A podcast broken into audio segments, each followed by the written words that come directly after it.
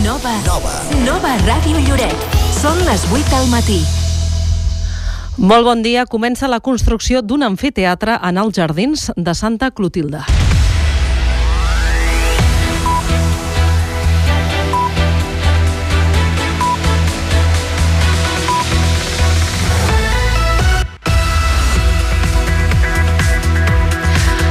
Un espai que tindrà diferents usos com concerts o espectacles de teatre i amb vistes al mar i a Sa Boadella. El futur amfiteatre que ha d'estar enllestit en sis mesos tindrà un aforament màxim per a 300 persones. Tot plegat ocupa un espai de 5.000 metres quadrats i estarà integrat a l'entorn, aprofitant el pendent del terreny i mantenint els arbres que hi ha als jardins de Santa Clotilde. A més, el projecte inclou l'adequació del passeig dels tilers i tot plegat compta amb una subvenció dels fons europeus Next Generation i té un cost d'una mica més de mig milió d'euros. És el nostre tema de portada d'avui divendres, primer de març. Molt bon dia a tothom i benvingudes al Bon Dia Bona Hora. Avui tenim preparats altres temes que són notícia, com els que avança el nostre company Eduard Lanzas. Eduard, molt bon dia. Hola, bon dia, Rosa, bon dia a tothom. Avui ens farem ressò del rodatge que hi ha hagut aquesta setmana al Magic Park per rodar una seqüència d'un curt que dirigeix Manuel Manrique. I també ens farem ressò del premi atorgat a Lluïsa Baltrons de l'Atlètic Club per la feina a favor de l'esport femení, en concret el futbol. I recordarem que avui es du a terme un curs de defensa personal per a dones amb totes les places plenes i llista d'espera. I anunciarem els partits del cap de setmana, a més de l'agenda d'aquests dies, marcada per una activitat intensa al teatre, a més del concert de Jordi Évole al Gotham. Com sempre, també repassarem els titulars del dia, portades de diaris i sabrem amb tot detall la previsió per avui i per al cap de setmana, la previsió del temps. Donem pas al Bon Dia Bona Hora. Us acompanyem en nom de Moisès Garcia, Maria, Joan Comartí, a Mardiva, Eduard Lanzas i qui us parla, Rosa Giral. Bon dia, bona hora. De dilluns a divendres, de 8 a 9 del matí.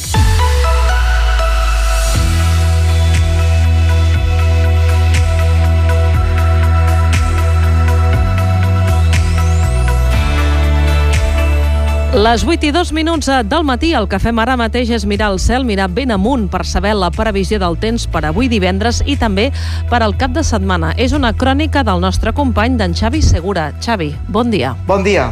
El front d'aquesta matinada només s'ha deixat notar en forma de núvols aquí a la zona de Lloret, com estava previst, no hi ha hagut precipitacions i aquest primer dia de març, aquest divendres, serà molt plàcid força assolellat, sense pluja, per aprofitar i temperatures que es mantenen semblants al voltant dels 16 graus les màximes a l'espera de més canvis de cara al cap de setmana. Dissabte s'anirà carregant de núvols amb el pas de les hores, tot i que gran part del dia serà molt aprofitable, i aquest vent de garbí de sud que reforçarà i que farà pujar una mica més la temperatura màxima al voltant dels 17-18 graus. Serà a partir del vespre, tarda vespre i gairebé ja entrada la nit, quan arribaran aquests ruixats, xàfecs que poden caure durant la nit, matinada, i que faran baixar més les temperatures, un temps més mogut, no només aquí a la zona de la selva marítima, sinó que tot Catalunya, i de cara a diumenge aquestes precipitacions marxaran al llarg de les primeres hores del matí,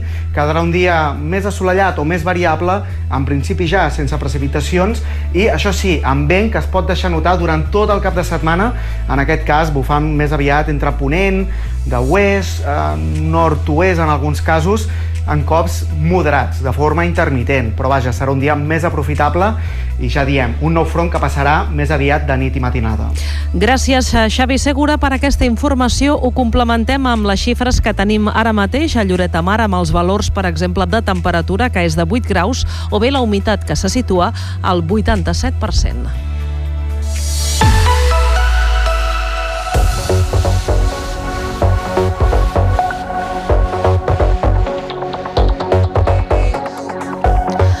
Avancem amb més continguts. Les 8 i 4 minuts del matí som a divendres, dia 1 de març del 2024. Repassem què diuen les portades de diaris. Comencem amb el punt avui on hi llegim unes declaracions del músic Guillem Gisbert que diu no he volgut trencar amb res del que ha significat Manel. D'altra banda, l'episcopat Octavi Vilà començarà el 21 d'abril. El bisbe electe de Girona entoma el càrrec amb coratge i la diòcesi celebra la seva elecció. Recordem doncs, que Octavi Vilà, doncs, el nou bisbe de Girona, Girona sempre és la persona que sol venir a Lloret a motiu de la festa major de Santa Cristina. Més eh, titulars a la portada del punt avui on hi llegim que els pagesos gironins acorden aixecar el tall de l'AP7 i de la N2 a Puntós. Causa penal al Suprem contra Puigdemont i Wagensberg per terrorisme. I també gesta de l'Espart, que serà a les semifinals de l'Eurocopa. D'altra banda, anem amb la portada del diari de Girona, on hi llegim la causa del foc a l'accés sud de Girona no se sap un any després. Un dècim de la loteria per celebrar els 135 anys de Diari de Girona. El Suprem obre causa penal contra Puigdemont. Els pagesos s'aixequen els talls a les carreteres. També llegim el primer bisbe monjo a Girona en 593 anys. El fins ara abat de Poblet, Octavi Vilà, prendrà possessió del càrrec a la catedral el 21 d'abril i també llegim en aquesta portada Vilablareix dona llum verda als dos primers camps d'entrenament. Repassem la resta de portades que podem llegir perfectament dels diaris d'aquesta jornada, d'aquest divendres, i comencem amb el diari El País, que explica que el Suprem obre una causa Puigdemont per terrorisme.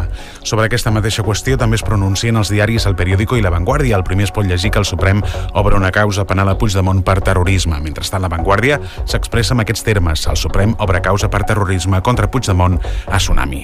Mentrestant, Diari Ara també es fa ressò que Puigdemont queda en mans del Suprem en la causa per terrorisme.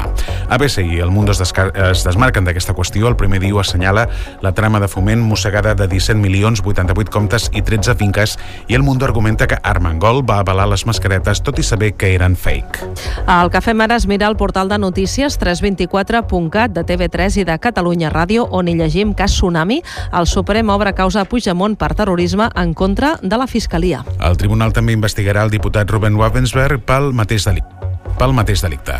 La pagesia decideix aixecar la majoria dels talls després de l'acord amb el govern. Es preveu que el bloqueig de la PCI i la N2 a l'Empordà s'interrompi a la mitjanit mentre a Tarragà de moment es manté.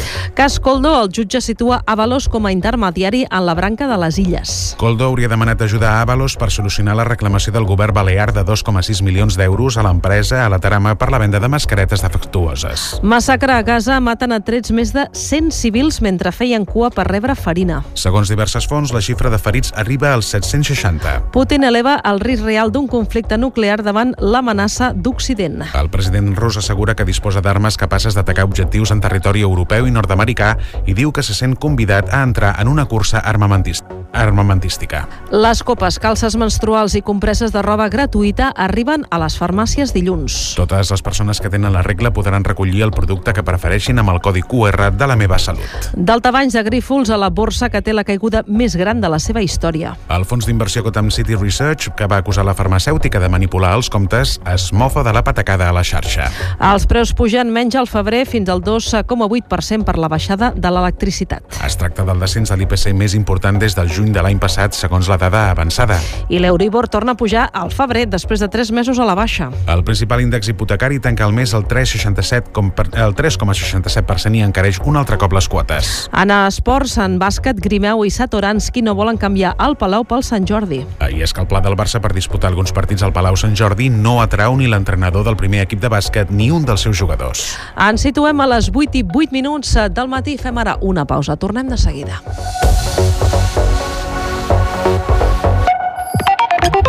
Arriben les rebaixes a la tienda de l'Olim.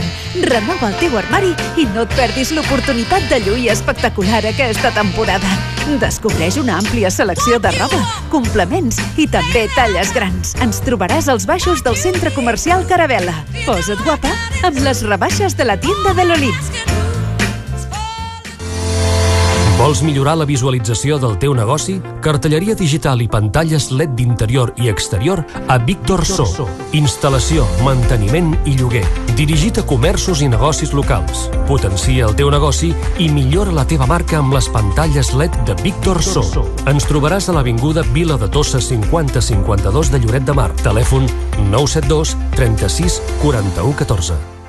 Centre Mèdic Loreto. Obtenció i renovació de permisos de conduir, llicències d'armes, seguretat privada, animals perillosos, obtenció de targeta de residència, tot tipus d'esports i la tramitació gratuïta del permís de conduir. Tenim el servei de medicina general, pediatria, psicologia i fisioteràpia. Treballem amb les principals mútues. Centre Mèdic Loreto. Carrer Verge de Loreto 53, al costat de la Policia Nacional. Telèfon 972 36 96 12. A les empreses com a la vida cal posar nom al que fas i sents, perquè darrere de Fitel hi ha 20 anys en el sector de les telecomunicacions, amb més de 10 anys dedicat a ser l'operador d'internet a Lloret de Mar. I ara seguim avançant perquè més pobles de la comarca tinguin el mateix servei que tu. Perquè darrere de Fitel hi ha persones que fan de la seva feina la seva passió. I tu? Ja ets de Fitel? Fibra òptica i telefonia mòbil a Lloret de Mar. Sempre a prop teu. Et sents esgotat física i mentalment? Atrapat en la rutina diària? Vine a Muscle Beach, al teu nou gimnàs. Entrena amb cotxes titulats en espais increïbles i totalment equipats amb més de 700 metres quadrats just a l'entrada de Mar Romeu. Descobreix la nova zona d'entrenament funcional. No t'ho pots perdre. Vine a Muscle Beach, al teu gimnàs a Lloret de Mar. L'Ajuntament de Lloret de Mar informa. Lloret de Mar es troba en situació d'emergència 1 per sequera. Hi ha restriccions d'aigua en els usos urbans que afecten en el volum màxim d'aigua per habitant i dia. Restriccions en la neteja de vehicles, de carrers i mobiliari urbà. En el rec esportiu, de zones verdes, jardins públics i jardins privats. Està prohibit l'ompliment de piscines públiques, privades, comunitàries i les fonts ornamentals, així com l'eliminació de pols en l'aire amb aigua. La situació actual de falta d'aigua és molt greu i s'han de prendre mesures per estalviar aigua potable de forma immediata. Teniu tota la informació detallada al web lloret.cat. Nens, divendres al matí no puc quedar. Jo tampoc, ja us espavilareu. Oh, és que no sé, jo tinc un trasplant de mocs o de què, no sé de què era. A mi em sortirà un imprevist, eh, macos? Ja us ho dic ara. És normal que les agendes saltin pels aires. Els divendres a les 9 del matí, tothom està només pel Cada Cultura. ¿Pero qué estás diciendo tú? No siguis l'últim en fer-ho. Tranquila, mujer, tranquila.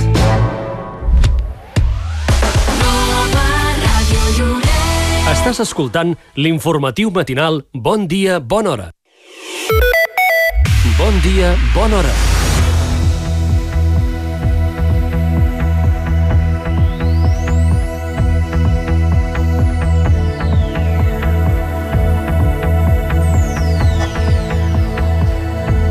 Les 8 i 12 minuts del matí donem pas a la primera part del Bon Dia Bona Hora.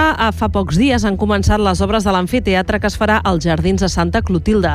Un espai que tindrà diferents usos, com concerts o espectacles de teatre i amb vistes al mar i a sa Boadella. Donem pas a la regidora Marina Nicolàs, de Patrimoni. Doncs estem molt contents d'haver pogut començar ja aquestes obres i amb moltes ganes de veure el resultat final. Eh, per nosaltres serà un espai polivalent en què podrem fer tot tipus d'esdeveniments artístics, eh, des de teatre, passant per concerts. Eh, per tant, ens donarà eh, molt de joc i afegirà més valor encara a un equipament eh, tan important per tots nosaltres i per tothom que ens visita com són els Jardins de Santa Clotilde. El futur amfiteatre, que ha d'estar enllestit en sis mesos, tindrà un aforament màxim per a 300 persones. Escoltem l'arquitecte Jordi Llort del despatx SCOP. Nosaltres havíem d'adaptar-nos a, la, a la topografia, a l'orografia del terreny, per fer, una, per fer unes instal·lacions que no tinguessin que no tinguessin un impacte visual, a la vegada que estan totalment integrades en l'àmbit i, i a nivell visual doncs, el més, passar el més desapercebut perquè el, el protagonista aquí ha de ser l'entorn i, els, i els jardins. El futur amfiteatre ocupa un espai de 5.000 metres quadrats i estarà integrat a l'entorn, aprofitant el pendent del terreny i mantenint els arbres que hi ha als jardins de Santa Clotilde. A més, el projecte inclou l'adequació del passeig dels Tilers, tot plegat que compta amb la subvenció dels fons europeus Next Generation té un cost d'una mica més de mig milió d'euros. Estàs escoltant l'informatiu matinal Bon dia, bona hora. Canviem de qüestió. Lloret de Mar ha estat l'escenari aquesta setmana de la gravació d'un curtmetratge. Es tracta de Una cabeza en la paret, del qual s'ambienta en un futur en què la tauromàquia està prohibida a Espanya. Dirigit per Manuel Manrique, una de les seqüències requeria uns autos de xoc a dins d'un local i van triar com a localització el Magic Park situat a la Riera. Per aquest rodatge han comptat amb gent de Lloret de Mar que ha fet de figurant i també d'ajudants de producció, a més de la Film Office i l'Hotel Atzur. Escoltem el director Manuel Manrique. Es una secuencia que se desarrolla en los coches de choque, entonces buscábamos pues eso, coches de choque que estuviesen todo el año, porque ah, tampoco hay muchos, la verdad, que, digamos que, porque se suelen montar y desmontar para las ferias y demás, entonces los de Lloret estaban ahí eh, todo el año y se encajaban en el, plan de rodaje, así que, así que perfecto, el trato ha sido muy bueno, así que El curtmetratge Una cabeza en la paret se centra en un torero que ja no pot exercir com a tal i que inicia un viatge catàrtic en el que haurà d'adaptar-se a un món on ja no hi té cabuda. En el seu camí es creurà una jove ballarina que li farà replantejar-se la seva masculinitat. Els papers principals que interpreten Nacho Sánchez, nominat als Goya per 17 i Matícora, i Àngela Cervantes, també nominada als mateixos premis per Xavales i La Maternal. Una cabeza en la paret s'està rodant a més de Lloret, on van estat diumenge i dilluns a Barcelona, Madrid i La Rioja. És el nou treball del director Manuel Manrique, premiat al Festival de Màlaga al millor curtmetratge. La producció vol ser l'avançala d'un llargmetratge ambientat en el mateix univers que pretén començar a rodar-se el 2025. Bon dia, bona hora de dilluns a divendres, de 8 a 9 del matí. Atenció amb aquesta notícia, les copes, calces menstruals i compreses de roba gratuïtes començaran a repartir a les farmàcies el proper dilluns en el marc de la campanya Les meves regles. La farmacèutica lloretenca Gemma Fàbregas ens ha confirmat que la campanya començarà dilluns i ens explica com funcionarà. Doncs ahir ens van comunicar que la campanya La meva regla, les meves regles s'iniciarà el proper dilluns dia 4 de març i a partir d'aquest moment totes les persones menstruants, dones de Catalunya d'entre 10 a 60 anys que prèviament s'hagin descarregat el QR a través de l'espai digital La meva salut podran adreçar-se a les farmàcies adherides a aquest programa per demanar un dels productes menstruants reutilitzables que ens han ofert, que poden ser copes menstruals, compreses o, calcetes menstruals. Cal tenir en compte que el codi QR es podrà ensenyar amb el telèfon o amb un imprès i també es podrà demanar a través d'una tercera persona. Des de la farmàcia faran l'assessorament pertinent en el moment de la recollida. Aquest QR que es descarreguin el podran adreçar-se a la farmàcia amb el mateix amb, amb el mòbil o amb una impressió i també ho pot fer una tercera persona, és a dir, si ve una tercera persona amb el QR de la seva filla o, o, o de la seva mare o qui sigui, se'ls hi haurà de, de facilitar també. I la nostra tasca com a personal farmacèutic serà oferir informació, mostrar el material, acompanyar els nostres pacients en la tria dels productes més adients per les persones que, que demanin aquests, aquests materials. Gemma Fàbregas demana paciència i comprensió a les persones que vagin a buscar aquests productes, ja que és un procediment nou. Demanem també la comprensió i la paciència de, dels usuaris, ja que tot això serà tot un procediment nou per, per als farmacèutics i, i, els, i els treballadors de les farmàcies adherides i per tant demanem que si en algun moment tenim alguna dificultat o alguna falta de material o, en, o algun inconvenient en els procediments eh, comprenguin el nostre paper que a vegades sol ser simplement d'intermediari. Es calcula que a Catalunya dos milions i mig de persones entre 10 i 60 anys es podran acollir en aquesta mesura que també va adreçada a persones no binàries i homes trans que menstruïn. Si hi ha alguna persona amb la menstruació que no estigui en aquesta franja d'edat, podrà fer una sol·licitud senzilla a la farmàcia. Estàs escoltant l'informatiu matinal Bon dia, bona hora. Parlem ara d'un premi al que se li ha atorgat a Lluïsa Baltrons de l'Atlètic Club Lloret que per part de la Fundació Catalana de Futbol. Es tracta d'un guardó solidari a dins de la iniciativa al futbol femení com a aposta de futur. Els premis tenen l'objectiu de distingir iniciatives i activitats a Catalunya que promouen l'ètica esportiva en els camps de futbol i en concret per l'empoderament de la dona i la protecció dels qui són socialment més vulnerables. Els guardons atorgats el passat 22 de febrer van distingir presidents, entrenadors, jugadors i àrbitres d'arreu del territori, entre els quals Lluïsa Baltrons, vicepresidenta de l'Atlètic, que valora així el reconeixement. Estem molt contents per aquest reconeixement, que tot i que me l'han fet a mi, és un reconeixement que es fa a tot l'Atlètic Club Lloret i a totes les persones que, que ho fan possible. Persones com a Tito Fornaguera, el president, en Charlie, el coordinador, o la Laura, la, una de les, de les entrenadores del femení. Eh, nosaltres hem apostat pel femení des del minut zero, de fet era un dels nostres objectius aquesta nova temporada i podem, volem seguir creixent en aquest sentit i de fet la gran novetat és que la temporada que ve farem un, un primer equip femení. L'Atlètic Club treballa per crear un primer equip femení per a jugadores de més de 18 anys a banda de tenir fins a 5 equips de, fins a 5 equips de base amb nenes.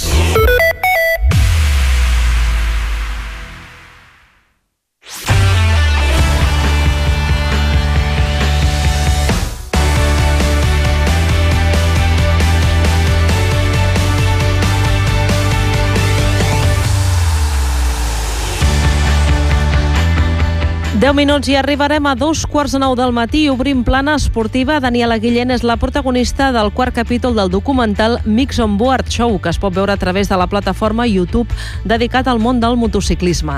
La jove lloretenca apareix com a pilot destacada amb una entrevista en què repassa diferents etapes de la seva carrera esportiva. Entre altres aspectes, Daniela Guillén explica com ha estat aquesta gran temporada en què ha estat subcampiona del món i també quins són els objectius per aquest 2024.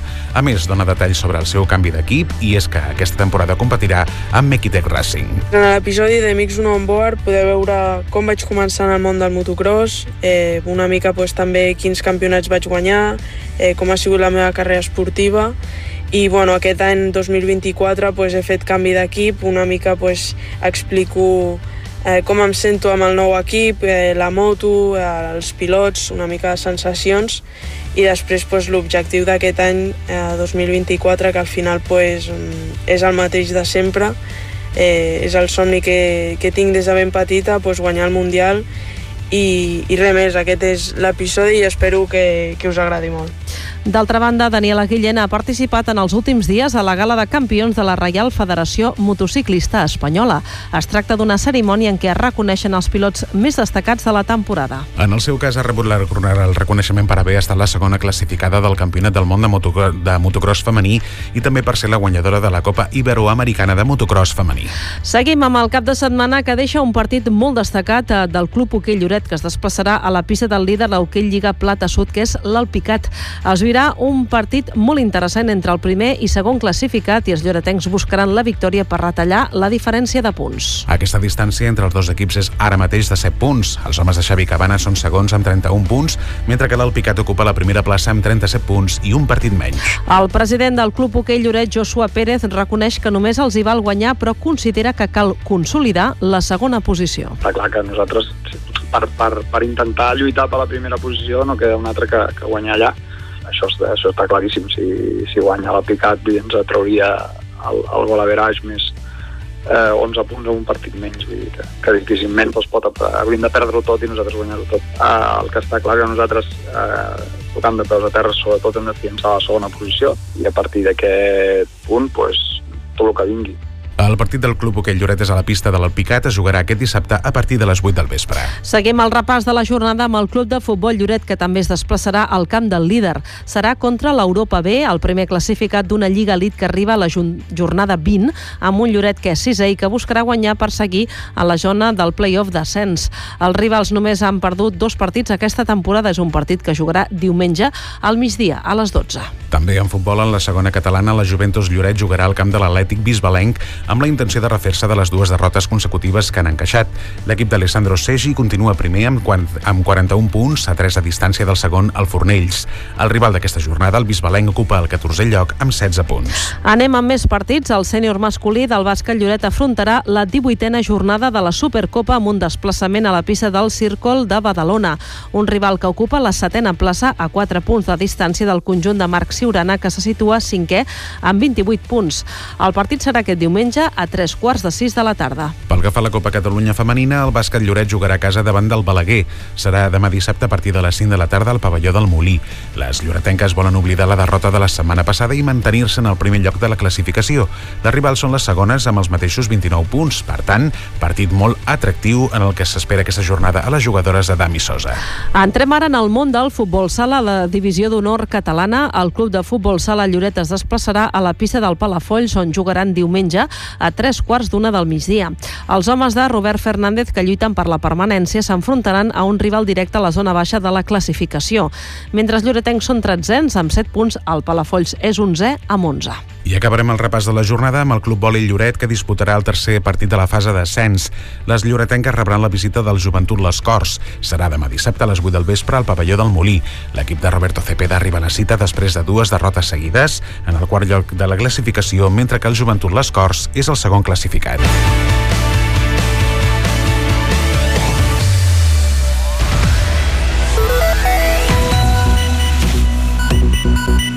Bon dia, bona hora. De dilluns a divendres, de 8 a 9 del matí. Les 8 i 24 minuts del matí èxit en el segon taller de defensa personal per a dones previst avui a Lloret. Fa dies que ha omplert les places i 75 dones podran gaudir de la sessió en què prendran tècniques de defensa en cas de patir una agressió. La iniciativa compta amb el suport de la policia local i la regidora, i la regidora d'Igualtat Míriam Rodríguez explica que l'objectiu és aconseguir fugir de l'agressor i en cap cas encarar-s'hi. S'ensenyen tècniques de defensa personal. Plantegen diferents situacions en les que et pots trobar i t'ensenyen a poder fugir de, de l'agressor. Sempre fugir, no intentar encarar-te amb l'agressor, perquè podríem sortir les dones mal parades en una agressió si t'encares a, a l'agressor, però sí poder fugir i poder anar a buscar ajuda. Els instructors són policies locals d'aquí de Lloret, des d'aquí agrair a la policia local la seva col·laboració i ens ensenyen diferents tècniques. Seran tècniques diferents a les del taller que vam fer en commemoració del dia 25N. En un inici la previsió era comptar amb 40 dones, però la demanda va ser tan elevada que van gairebé doblar la capacitat i fins i tot hi ha dones en llista d'espera. La nostra idea és anar-lo fent mentre hi hagi una demanda de per part de les dones de, de Lloret de voler-lo fer. Nosaltres sempre estem disposats a tirar-lo endavant. Eh, en aquesta edició vam treure 40 places, però en vistes de l'èxit que teníem 75 dones apuntades, ho vam ampliar a 75, però tot i així encara s'han anat apuntant gent i tenim dones a llista d'espera. De totes maneres, si fem una altra edició, aquestes dones que han quedat a llista d'espera seran les que tindran plaça les primeres. El taller de defensa personal per a dones s'emmarca dins de les activitats que es duen a terme per commemorar el Dia de les Dones que se celebra el proper 8 de març. Bon dia, bona hora. De dilluns a divendres, de 8 a 9 del matí. Parlem ara d'una iniciativa conjunta, Punt d'Equilibri i Lloret contra el càncer sumen esforços per crear dues activitats destinades a les persones malaltes de càncer, als seus familiars i també voluntaris de l'entitat. Són activitats que comencen avui i que van a càrrec de la terapeuta Brenda Caballero. Els dijous es farà el taller de pintura creativa. El taller de pintura creativa, bueno, eh, el seu objectiu és desenvolupar la creativitat, que de, també les persones que arriben pues, puguin aprendre una mica de tècniques de dibuix, eh, experimentar amb el color, amb les formes. També és un taller que procura molt la relaxació, eh, l'autoconeixement i bueno, en general eh, que les persones es puguin divertir, no? que sigui dinàmic i que aprenguin eh, sobre la seva, també la seva pròpia creativitat. L'altra proposta tindrà lloc cada divendres, com avui, i es titula Mouta per la teva salut. Farem exercicis de moviment i respiració conscient i també pues, eh, exercicis que centren en estiraments i tonificació muscular no? és per aprendre una mica a uh, un tema tan inconscient que fem cada dia que és la respiració no? prendre consciència d'això doncs, també ens relaxa i ens connecta amb nosaltres mateixos llavors podem fer exercicis d'aquest tipus Fa set anys la Brenda va tenir càncer i això la va fer empatitzar molt amb els usuaris, a banda que sap que, per experiència pròpia, coses que poden anar bé quan es pateix la malaltia. En aquest sentit, el més important dels tallers serà sobretot aprendre tècniques de relaxació i de connexió amb un mateix. Des de Lloret contra el càncer, la presidenta Cristina Pané està molt agraïda a punt d'equilibri per al suport, ja que considera que aquestes propostes són molt interessants. Farem exercicis de moviment i respiració conscient i també pues, eh, exercicis que centren en estiraments i tonificació muscular no? és per aprendre una mica a un tema tan inconscient que fem cada dia que és la respiració no? Prendre consciència d'això doncs, també ens relaxa i ens connecta amb nosaltres mateixos. Llavors podem fer exercicis d'aquest tipus. Estem doncs escoltant o seguim escoltant, vaja, Brenda Caballero.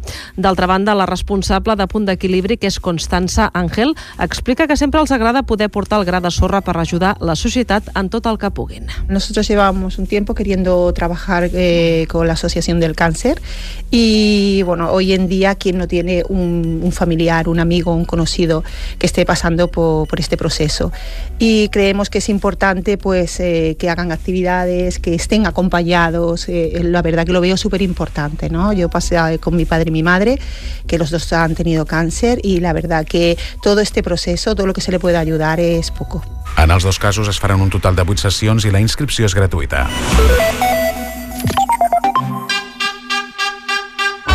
Sardanes a Lloret, Blanes i Tossa. Dues hores de la cultura musical catalana. La divulgació dels principals esdeveniments, els homenatges i celebracions. Els diumenges a les 8 del matí, Sardanes a Lloret, Blanes i Tossa. La selva marítima sardanista.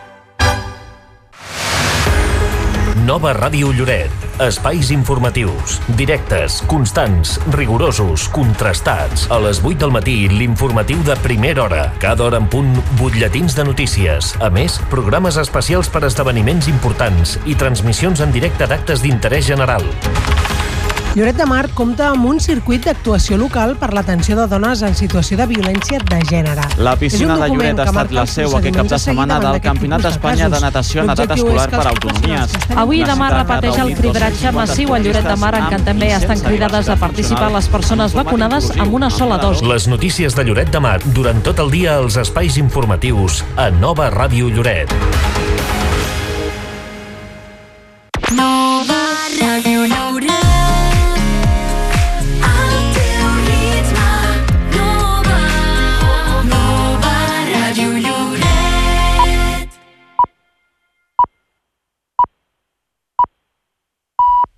Dos quarts de nou en punt del matí.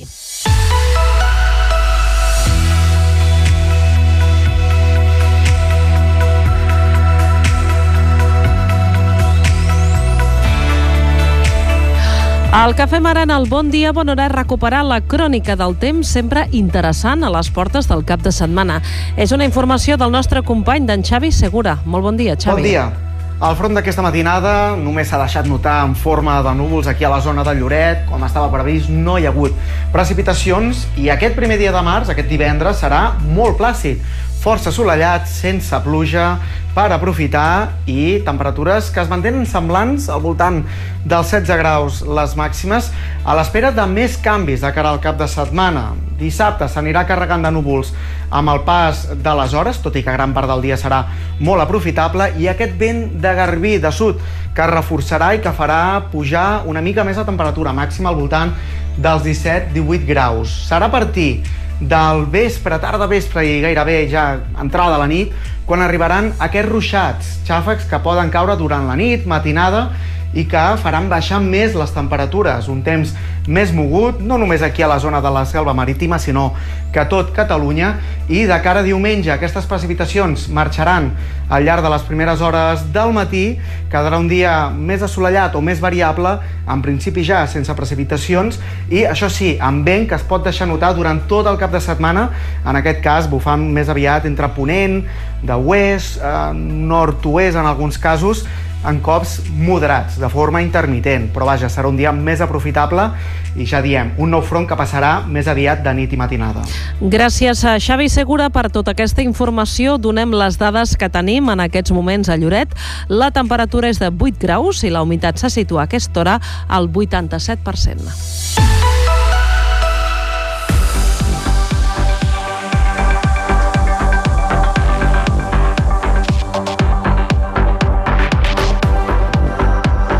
Les 8 i 32 minuts del matí, moment de repassar portades de diaris d'avui divendres, dia 1 de març del 2024.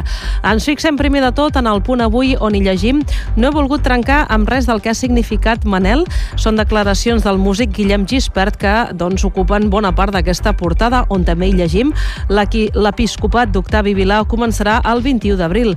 El bisbe electe de Girona entoma el càrrec amb coratge i la diòcesi celebra la seva elecció. D'altra banda, els pagesos gironins acorden aixecar el tall de la P7 i de la N2 a Puntós. Causa penal al Suprem contra Puigdemont i Wagensberg per terrorisme i en esports gesta de l'Espar, que serà a les semifinals de l'Eurocopa. Mirem ara una portada, una altra portada, volem dir, la del diari de Girona, on hi llegim la causa del foc a l'accés sud de Girona no se sap un any després. Un dècim de la loteria per celebrar els 135 anys de Diari de Girona. El Suprem obre causa penal contra Puigdemont. Els pagesos s'aixequen els talls a les carreteres. Vilablareix dona llum verda als dos primers camps d'entrenament i el prevé bisbe monjo a Girona en 593 anys. Repassem més titulars a la resta de capçaleres d'aquest divendres. Anem a PAMS i comencem amb el diari El País, que explica que el Suprem obre una causa a Puigdemont per terrorisme. Sobre aquesta mateixa qüestió també es pronuncien el periòdico La Vanguardia i ara. Anem a PAMS i comencem amb el periòdico que es pot llegir que el Suprem obre una causa penal a Puigdemont per terrorisme. La Vanguardia s'expressa també amb aquests termes. El Suprem obre causa per terrorisme contra Puigdemont a Tsunami. I mentrestant, ara es fa ressò que Puigdemont queda en mans del Suprem en la causa per terrorisme. Per la seva part, la BCE assenyala que la trama de foment mossegada de 17 milions, 88 comptes i 13 finques. I el Mundo argumenta que Armengol va avalar les mascaretes tot i saber que eren fake.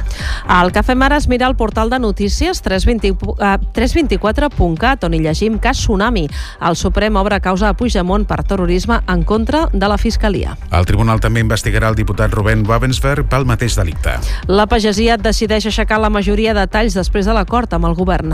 Es preveu que el bloqueig de l'APC i la N2 a l'Empordà s'interrompi a la mitjanit mentre a Tàrrega de moment es manté.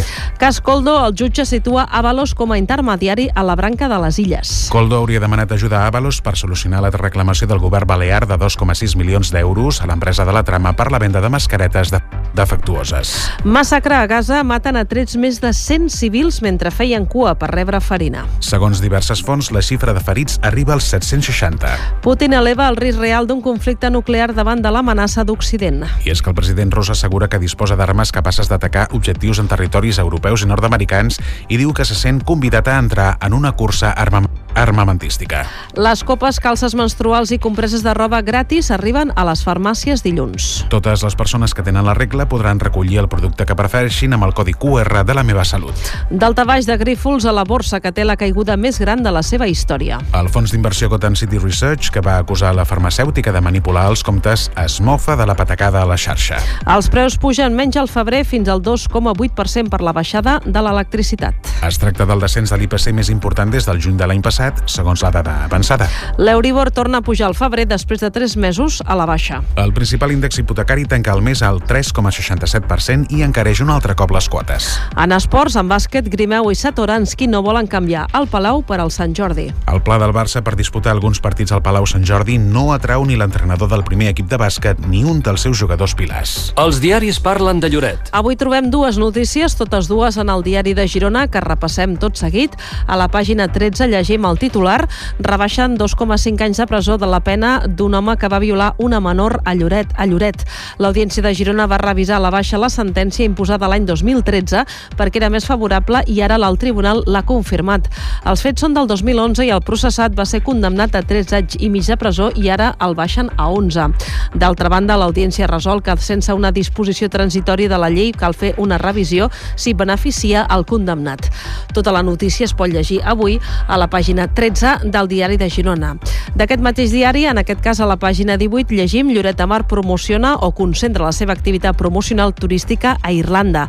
Des del municipi asseguren que el mercat irlandès ha tingut un creixement del 51,5% en només un any.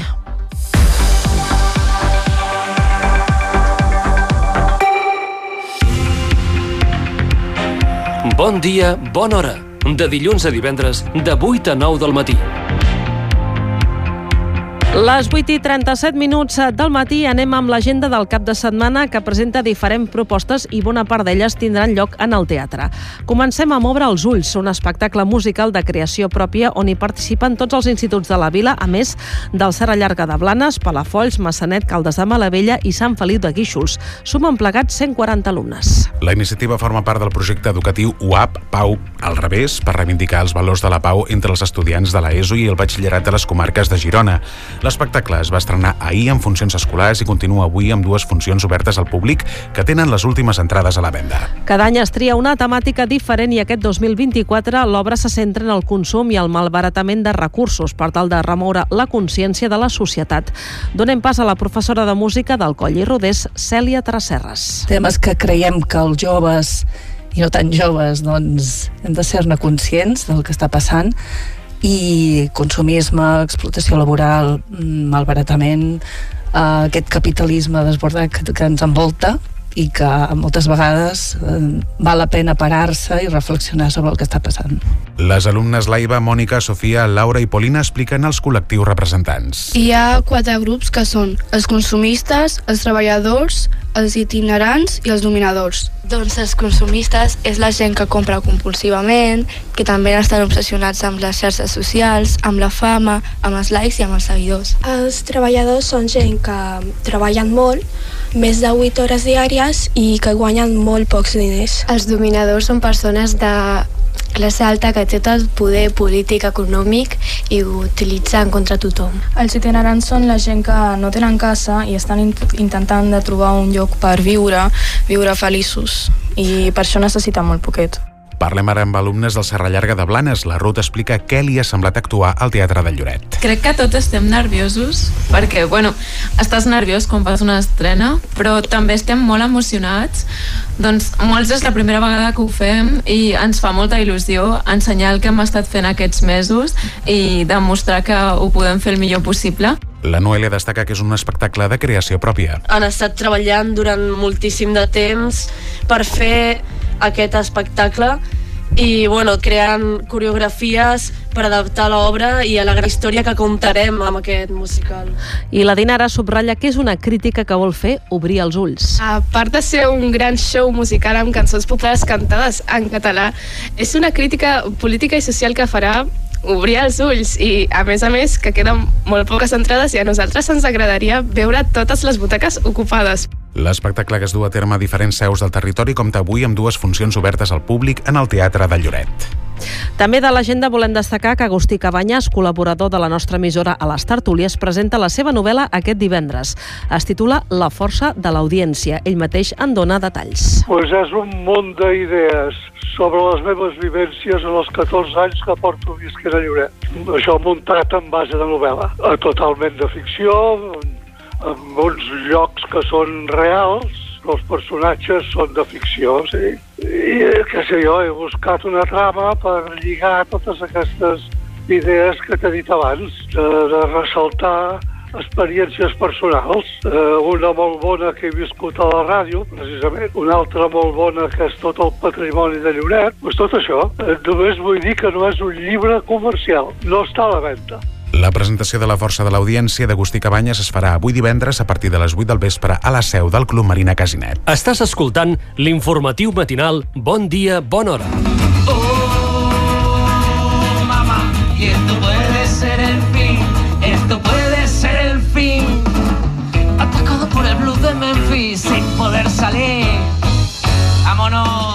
Jordi Évole amb la banda Los Niños Jesús fa un temps que puja als escenaris per fer versions de tot tipus i aquest divendres el tindrem aquí al Gotham. En una entrevista de que el diari La Vanguardia va penjar a les xarxes socials, Jordi Évole explica que tot va començar de forma molt informal entre un grup d'amics que quedaven per passar-s'ho bé. Cuando los padres de un amigo se iban de casa y todo ese fin de semana te lo pasabas en casa de ese amigo, pues un poco esta es la casa donde nadie nos controla. Porque nosotros venimos aquí a, a- es que a echar el rato. Y veníamos aquí, ensayábamos y, y improvisábamos temas y nos íbamos a las tantas después de habernos reído mucho, de tomarnos un par de quintos y nos llama la semana, dice, oye, que el primer fin de semana de, de julio tocáis en Bilbao, en el BBK. Pero tío, sí, no, sé, pero no estábamos preparados para eso. Empezamos a ensayar muchísimo durante las semanas previas. En el mes que faltaba, pues ensayamos, yo qué sé, tres, cuatro días a la semana. Y sí, llegamos a Bilbao pues, con un repertorio más o menos decente. El mateix Évole explica que va deixar anar la seva passió per la música arran del documental que va gravar amb Pau Donés poc abans que morís de càncer titulat Eso que tú me das. Es verdad que a mí la entrevista con Pau me pegó un- una sacudida muy, muy fuerte y, y- y yo creo que sí, que anda por ahí. Anda por ahí y, y lo tenemos muy presente y en, en- en los conciertos siempre está. Tot i que el periodista reconeix que li encanta la música i pujar als escenaris, també és conscient de quin és el seu rol dins del grup. Yo soy el cancho comercial, porque es que uno tiene que asumir su rol. O sea, a mí esta gente no me ha cogido por mi voz. No me ha cogido porque yo sea un cantante de la hostia, no. Nosotros vimos una oportunidad muy clara cuando una vez eh, que fui a- al intermedio y luego me fui a cenar con Wyoming, le pregunté, ¿y tu banda? ¿Qué tal? ¿Cómo vas con la banda? Y dice, no, lo he dejado, porque ahora con la pandemia y tal lo he dejado. Y yo pensé, wow, esta es la mía. Porque este tío ya ha abierto el mercado. Entonces ya, ya se ha abierto el mercado de la típica banda con el famosito de turno cantando. Aquest ganxo funciona perquè allà on van omplen sales i places i això també reconeix que els encanta. No nos imaginábamos esto, nunca, nunca. O sea, cuando nos llama el repre para decirnos han vendido tantas entradas, es que flipamos, es que no, no, no sé, esto era para, para pasar el rato y que se haya convertido en algo que, que además de pasar el rato, pues tiene una proyección pública en este caso, porque si te subes a un escenario, pues es para que la gente te vea. Pero no pensábamos que, que fuese a venir nadie, ni mucho menos. El concert de Jordi Évole i los Niños de Jesús es farà a la nit de divendres a dissabte aquesta nit a partir d'un quart d'una de la matinada. Les entrades es poden comprar a través del web entradium.com.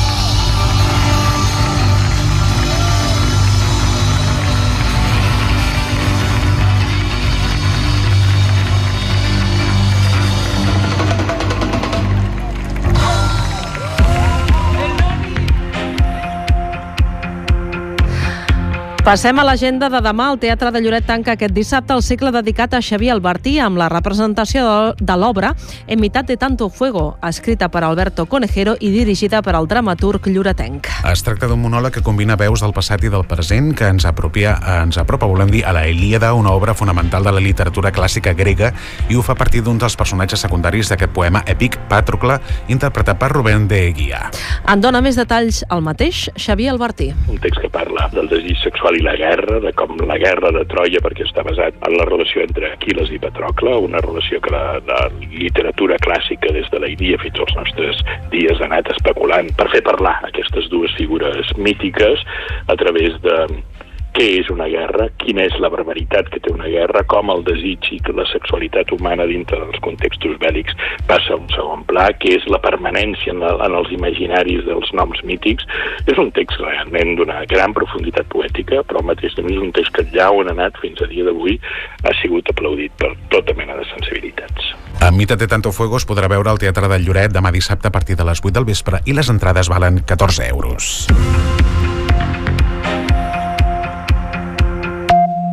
Donem pas a la nostra companya Maria Joan Comartí. Parlem amb el protagonista de l'obra, Rubén de Guia. Bon dia. Hola, bon dia. Primer de tot, Rubén, què ens pots dir del personatge de Patrocle?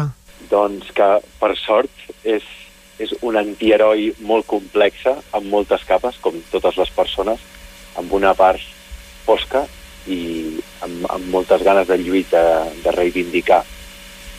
Per què, per sort? Perquè com a actor el que més ens agrada és, és que els personatges siguin complexes i tinguin molta xitxa per, per fer-li una bona queixalada. I, clar, en aquest cas, eh, xitxa i, i, i molta estona a l'escenari perquè és un monòleg. Com vas afrontar aquest repte? Doncs jo vinc de l'esport, de petit competia i a mi els reptes sempre, sempre m'han agradat. Des de quan vas a la platja i vols nedar més o saltar des d'un lloc més alt i, i hi ha una adrenalina i a l'espai, el teatre és un espai molt sa on, on no et pots fer mal, com a molt pots fer el ridícul o cagar-la, però no, no, no surts físicament, emocionalment pots sortir molt frustrat, però no hi ha perill, aleshores els riscos a l'escenari a nivell de, de personatges, els reptes són el millor regal en aquesta professió. Doncs eh, aquest regal que podrem veure aquí a Lloret aquesta setmana. I com és la posada en escena? És a dir, ets tu sol a l'escenari o hi ha algun tipus d'escenografia? La meravella del, del Xavier Albertí, que fèiem, fèiem broma, inclús algunes crítiques a Madrid deien que és, és l'expert de, de, en el no res, ficar-hi tot, no? perquè a part de que el text és, és brutal, l'Alberto Conejero, Premi Nacional de Literatura i tal, té un imaginari amb, amb molt bèstia, amb molts colors, amb molts personatges, amb, amb visualment molt potent. I el Xavier el, el que ha fet és, en comptes de vestir-ho amb, amb uns efectes especials, amb una escenografia o, evidentment, hi ha una llum exquisita, a nivell d'escenografia està buit l'escenari, però lo, un dels comentaris més bèsties de, de gent quan surt del teatre diu, ho veia tot, com m'he imaginat, com m'he ficat a dintre la història i com he vist tot, tot el que explicaves i tot per on passaves, ho he viscut jo. I això és un dels poders del teatre, no? que, que absorbeix l'espectador i l'espectador fa un viatge que és seu i és personal. I com és, en aquest sentit, a, a banda d'aquest detall, com és en Xavier de director? Mira, a mi m'ha dirigit sis vegades, eh, per tant, jo, jo Déu-n'hi-do. moltes coses bones. Eh, dolent, mira, per dir-te, per fer-ho diferent, et diré la, la, la dolenta. Té tal poder de convicció com a, com a bon líder, no?, a vegades, que, que et poden persuadir, que si ell considera que el millor que pots fer en, en un espectacle és sortir mm, despullat boca baix, mm, cantant la moreneta, ho faràs convençut al 100%. Saps què vull dir? Té, una sabi, té, té uns coneixements, del, ell és, és teatre des de la- de l'ongle del dit petit fins a l'últim cabell del cap. Eh, té un coneixement que a vegades quan parla i quan l'escoltes als assajos dius és que això és un regal. Poder treballar amb gent que sap tant és al·lucinant. I si ho has fet sis vegades és que realment t'agrada i molt, eh? Sí, sobretot, més aviat, ara per posar-me una medalla, o jo a ell, no? Perquè normalment els actors no escollim els directors, sinó els directors ens escollen a nosaltres i nosaltres bonament anem fent el que podem. Està clar, està clar, però en tot cas, uh, si l'experiència no fos bona, suposo que, que no la voldries repetir i la repeteixes en aquest cas amb un monòleg, un monòleg tan intens com és En mitad de tanto fuego i que tinc entès que heu fet gira per tot arreu, no? Sí, ens queda encara molt de la península. Em, tenim gira fins al, al desembre del 2024 i ara venim d'Amèrica Llatina. Hem estat a Buenos Aires, Montevideo i Lima. Com ha anat? Molt bé, molt bé. Sempre, quan vas a un altre context, bueno, jo la primera vegada que creuava cap allà, al Xarco, i hi havia un punt de...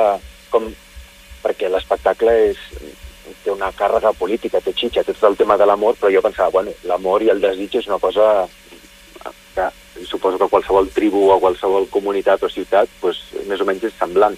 Però la part política de construcció de la identitat, de conceptes com pàtria, guerra i tot això ressonen molt diferent, no?, cada país per, pel seu, per la seva història més recent. I tenia molta curiositat i la veritat és que ha sigut espectacular i molt contents, ens està portant unes alegries molt bones. Doncs esperem que aquesta alegria també la tingueu aquí a Lloret, que és casa d'en Xavier i per tant aquí sempre rebem tot el que ell fa amb els braços molt i molt oberts. I Rubén de Guia, moltíssimes gràcies per parlar-nos de- d'aquesta obra i que vagi molt bé. Moltes gràcies a vosaltres. Que la gaudiu.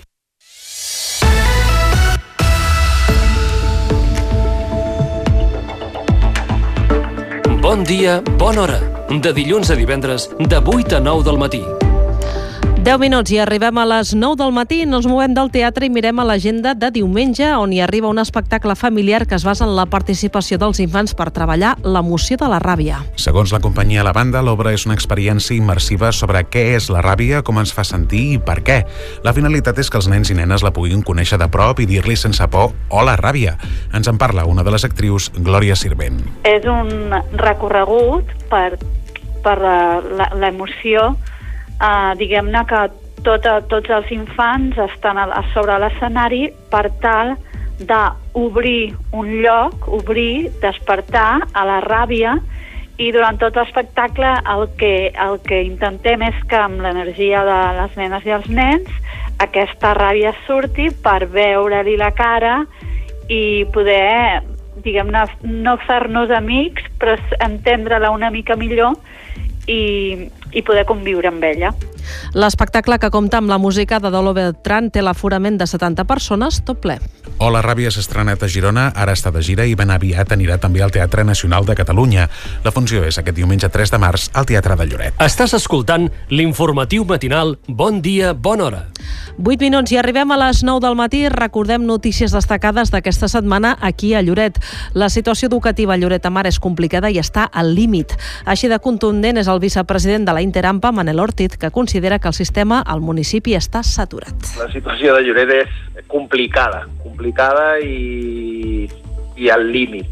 Realment està saturat el sistema educatiu aquí a Lloret. Recordem que la Interampa és una associació que aglutina totes les associacions de famílies d'alumnes dels centres de Lloret, tant escoles com institut. L'entitat treballa, per tant, pel benefici de l'educació del municipi en un àmbit global. Actualment el president és Oriol Gruar i el seu vicepresident és Manel Ortiz. Per exposar la problemàtica a Lloret, l'associació es basa en dades objectives. En aquest sentit, assegura que les aules estan saturades, ja que la gran majoria de casos estan per sobre del nombre d'alumnes que haurien de tenir per llei el que es coneix com a ràtio. Hi ha 25 alumnes per classe, a totes o a quasi totes les aules del municipi es sobrepassa aquest número. ¿vale?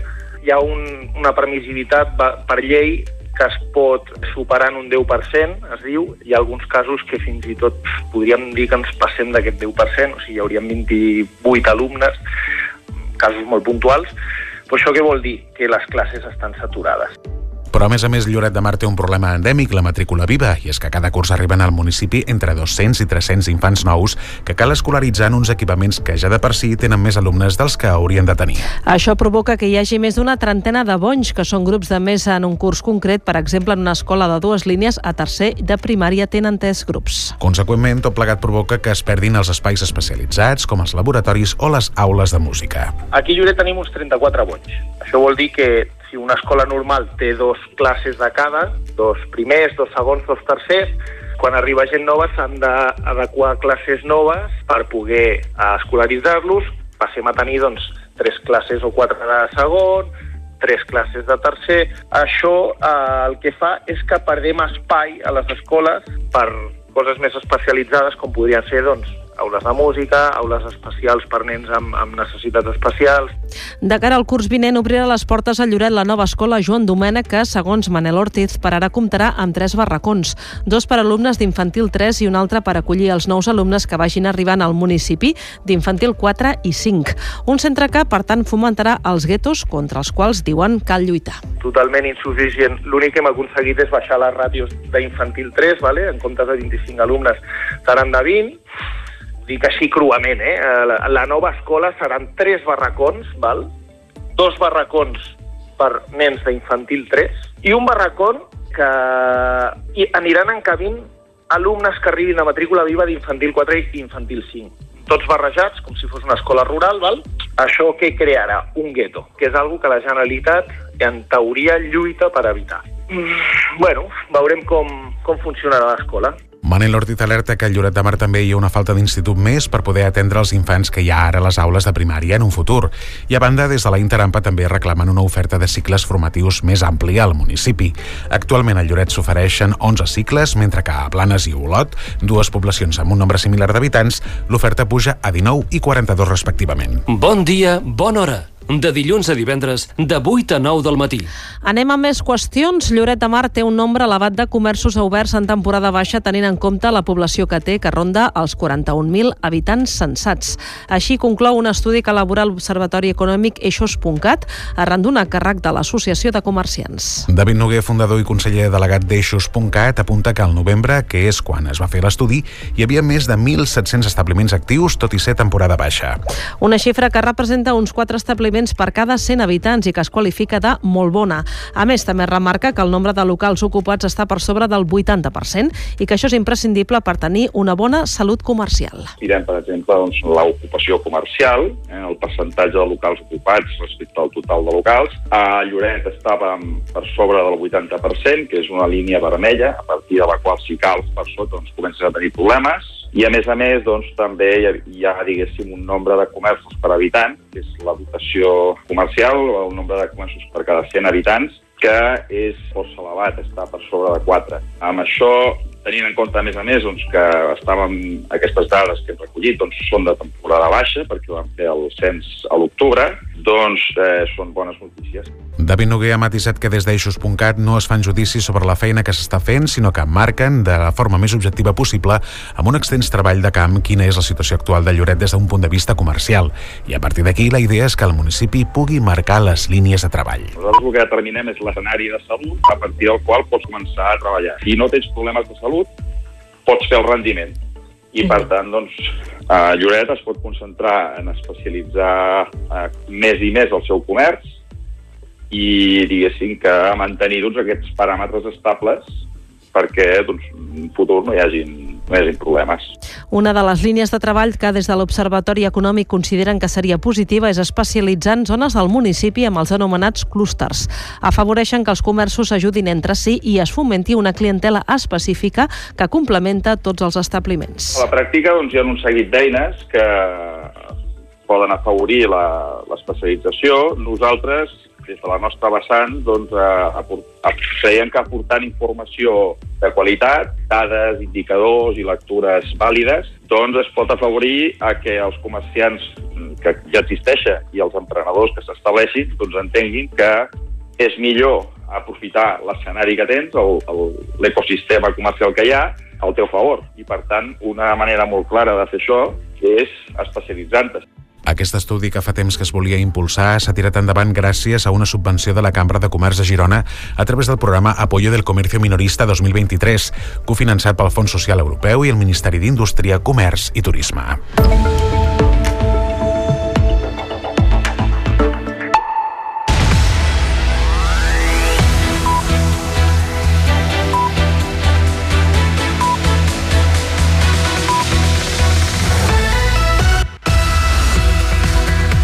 Estem a la recta final de l'informatiu d'aquest divendres primer de març en què hem explicat que ha començat fa pocs dies la construcció d'un amfiteatre als Jardins de Santa Clotilde. Serà un espai polivalent per diferents usos com concerts o espectacles de teatre amb vistes al mar i a Sa Boadella. Ha d'estar enllestit en uns sis mesos i té un aforament màxim per a 300 persones. D'altra banda, ens hem fet ressò en el bon dia, bona hora del rodatge que hi ha hagut aquesta setmana en el Magic Park per rodar una seqüència d'un curtmetratge que dirigeix Manuel Manrique. També hem explicat que a partir de dilluns es reparteixen a les farmàcies arreu de Catalunya i, per tant, també les d'aquí, copes, calces menstruals i compreses de roba gratuïta en, en dins de la campanya Les meves regles. A tot plegat doncs, eh, serà doncs, a través d'un codi QR que cal ensenyar a la farmàcia i que també es pot demanar a través de terceres persones. La mateixa farmàcia, les seves especialistes ja faran doncs, assessorament a les diferents usuàries a partir, com diem, del proper dilluns. Altres qüestions que també hem explicat doncs, és el Premi atorgat a Lluïsa Baltrons de l'Atlètic Club Lloret per part de la Fundació Catalana de Futbol, a més de repassar l'agenda per al cap de setmana d'actes culturals i també d'àmbit esportiu. Les notícies acaben aquí i ara a partir de les 9 us deixem amb l'humor del Cada Cultura. Bon dia, bona hora. De dilluns a divendres, de 8 a 9 del matí.